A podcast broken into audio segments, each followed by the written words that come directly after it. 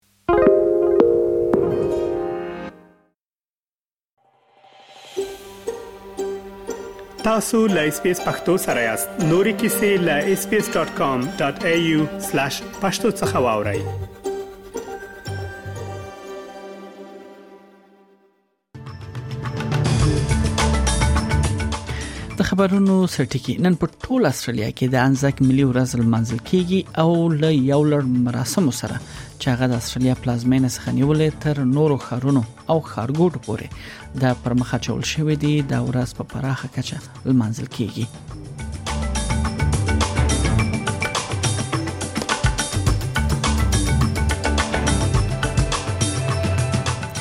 پاکستان په شمالي لویدیځ کې د پولیسو ترهګرۍ ضد مرکز کې دوو چاودنو د سیمایي پولیسو په وینا لږ تر لږه د لس کسان وژل دي او تر 50 زیات یې ټپيان کړي دي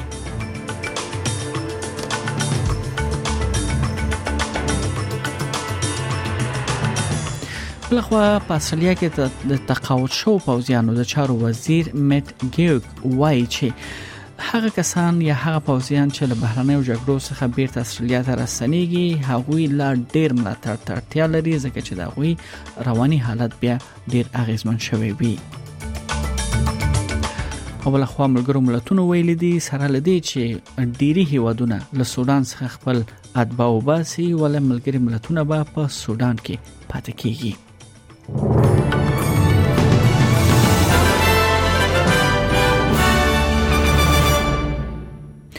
دا هم بشپړ خبرونه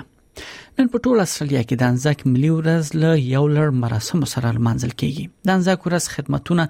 د هغو خلکو درناوی کوي چې په تیرو جګړو کې خدمت کړی دی او همدارنګه هغه کسان چې نن ورځ خدمت کوي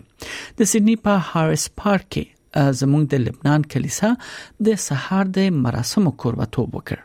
چې د لبنان میراث میراثونو سره په سلګونو استرالیانو پکې برخه اخیسته البته د کلیسا نوم زمونږ د لبنان کلیسا دی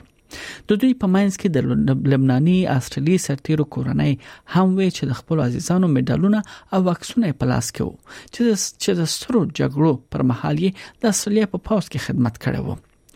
جیمز جونیئر ساب چې پلار یې د لومړي لبنانیانو څخه و چې په 1900 لسیزه کې د استرالیا پوردو کې شامل شوی وو اس بي اس عربیک 24 ته ویل چې هغه خپل پلار په میراث باندې ویاړي Photos and medals are very important to our family, especially uh, my grandsons. and my other family's grandsons. As um, um, it's just their connection with their grandfather or their great grandfather over the years. So hopefully, as they grow, when we bring them to the Anzac uh, celebrations, that um, they'll get some feeling of what how proud we are of my dad and all the people that served in all the wars for Australia. So, um, yeah, we hope that's a lasting legacy. بل خو لکه څنګه چې په سرګونه خلک د انځک ورځ په یاد او درناوي کې په ټول هواد او بهر کې راټولېږي دا ورځ د مختلفو خلکو لپاره بیا مختلف اړخونه په نخښه کوي د ځینو لپاره دا د دوی د کورنۍ د خدمت او قربانیانو یادونه ده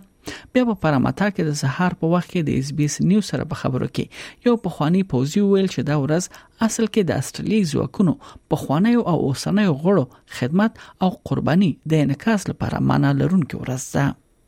It's an important day for my family. Um, we were all servicemen. My grandfather was in the Second World War. My father was uh, a Vietnam veteran, uh, and all of my brothers and I have all served in the Australian Army at various points. Um, and so it's a great day for reflection, um, not only for them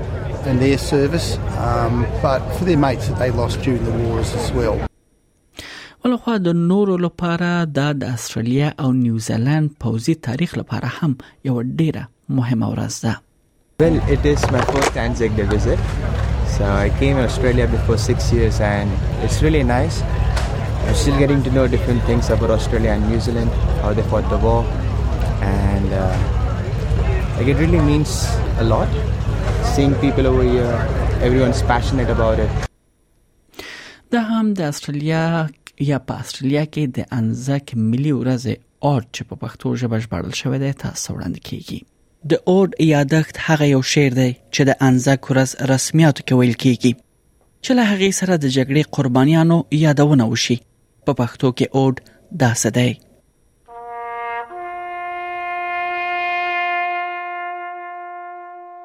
هغوی به زړه نشي لکه څنګه چې مونږ پاتې زړېګو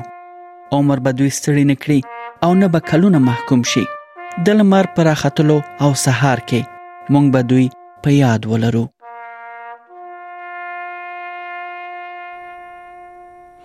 بل خو د تقاعد شو پوځیانو د چارو وزیر میډ کیوګ وویل چې نور ډیر کار ته اړتیا ده تر څو لمخې دا ډار تر لاسه شي چې کله د فای پرسونل بهر جګړو څخه بیرته کور ته ستنیږي نو د هغوی بشپړ ملاتړ باید په استرالیا کې دننه وشي لکه څنګه چې نن استرالیا د انځک ورځ لمانځي خغله کیوګ وویل چې د استرالیا حکومت اړ دی تر څو د پوځي خدماتو وګړو خدمت لپاره اړین ګامونه واخلي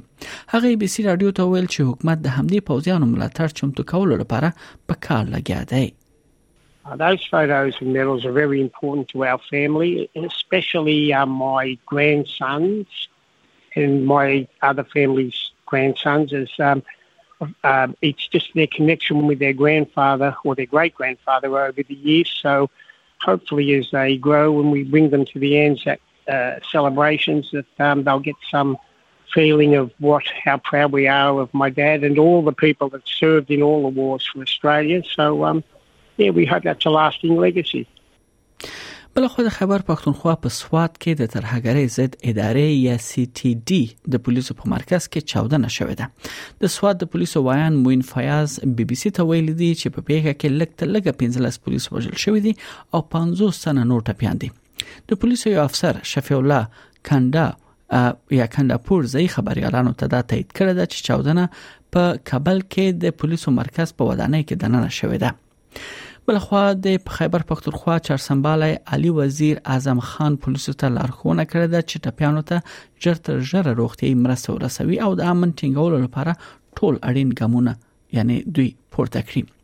د صوبې د پولیسو مشر وایي چې چاودنه د سواد په شمال لویدیځ دره کې د ترهګرۍ پر ضد د مبارزې دفتر ولړزاوه چې تر 2009 کال مخکې د اسلام پالو وسلوالو تر کنټرول لاندې و ویان په یو بیان کې ویل چې مهماتو ډيري احتمال د برېښنايي شارټ سرکټ لامل اور اخیسته دی هغه دا هم ویل چې تر اوسه د برید په اړه کوم شواهد نه دي ترلاسه شوي دا د پاکستاني طالبانو یا تحریک طالبان پاکستان په ویل خو سکهال د پولیسو پر مرکزونو باندې د یو شمیر بریدونو وروسته راځي چې په جنوري کې د پولیسو په یو مرکز کې دننه یو ځانمرګی برید په شمول چې په هغه کې اتیا څخه ډیر پولیس افسران ووژل شول بل خبر له اندونیزیا څخه دی د اندونیزیا د سوماترا ټاپو په لویدیځ کې د 1.3 درجه یوې زلزلې د سونامي خبرداري ورکړه ده چې شاوخوا 2 ساعت دوام وکړ دا خبرداري چې سیمه یا سیمه ییزو چارواکو ته لارښوونه کړې و چې سمدسي په غیزمنه شوې سیمه کې اوسیدونکو وباسي یعنی د اروپا د مدیترانې زلزلې مرکز یا ای ام سی سی په وینا زلزلہ د سهار په 3 بجو او سلور یا اته سلوي دقیقو باندې د رامخته شوې ده او بل خو د انډونیزیا د جیوفیزیک ادارې یو شمیر زلزلې چې د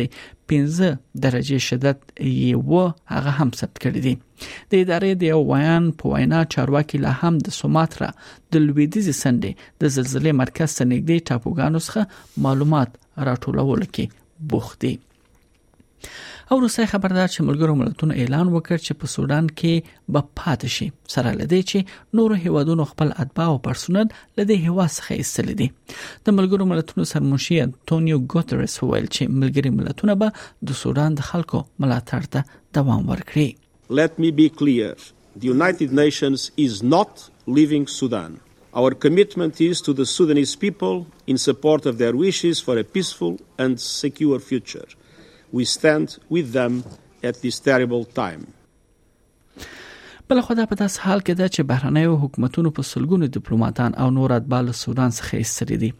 ډیری سودانیان په شدت سره د هغو جګړو څخه د تېښتې لارې لټوي چې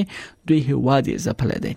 د متحده ایالاتو د بهرنیو چارو وزیر انټونی بلینکن اعلان وکړ چې په سودان کې به د 22 ساعتونو لپاره نوې اوربند پیل شي د لس ورځې د مخه جګړې له پیل راهیسې دا دریم اوربند دی We've also continued to engage directly with General Burhan and General Hamedi to press them to extend and expand the Eid ceasefire to a sustainable cessation of hostilities that prevents further violence and upholds humanitarian obligations.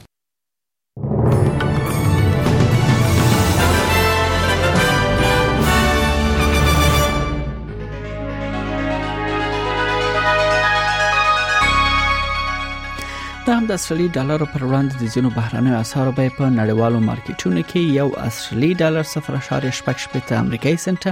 0.8 یورو سنت یو اصلي ډالر و 50.15 افغاني روپی یو سلو شپږ اتیا اشاریه دوه اویا پاکستاني روپۍ یو اصلي ډالر دوه اشاریه یا اوبخي سلور پنځوس اشاریه شپږ شپېته هندۍ روپۍ دوه اشاریه پنځه سلوي اماراتي درهم او یو اصلي ډالر صفر اشاریه درې پنځوس انګلیسي پنسه ارزښت لري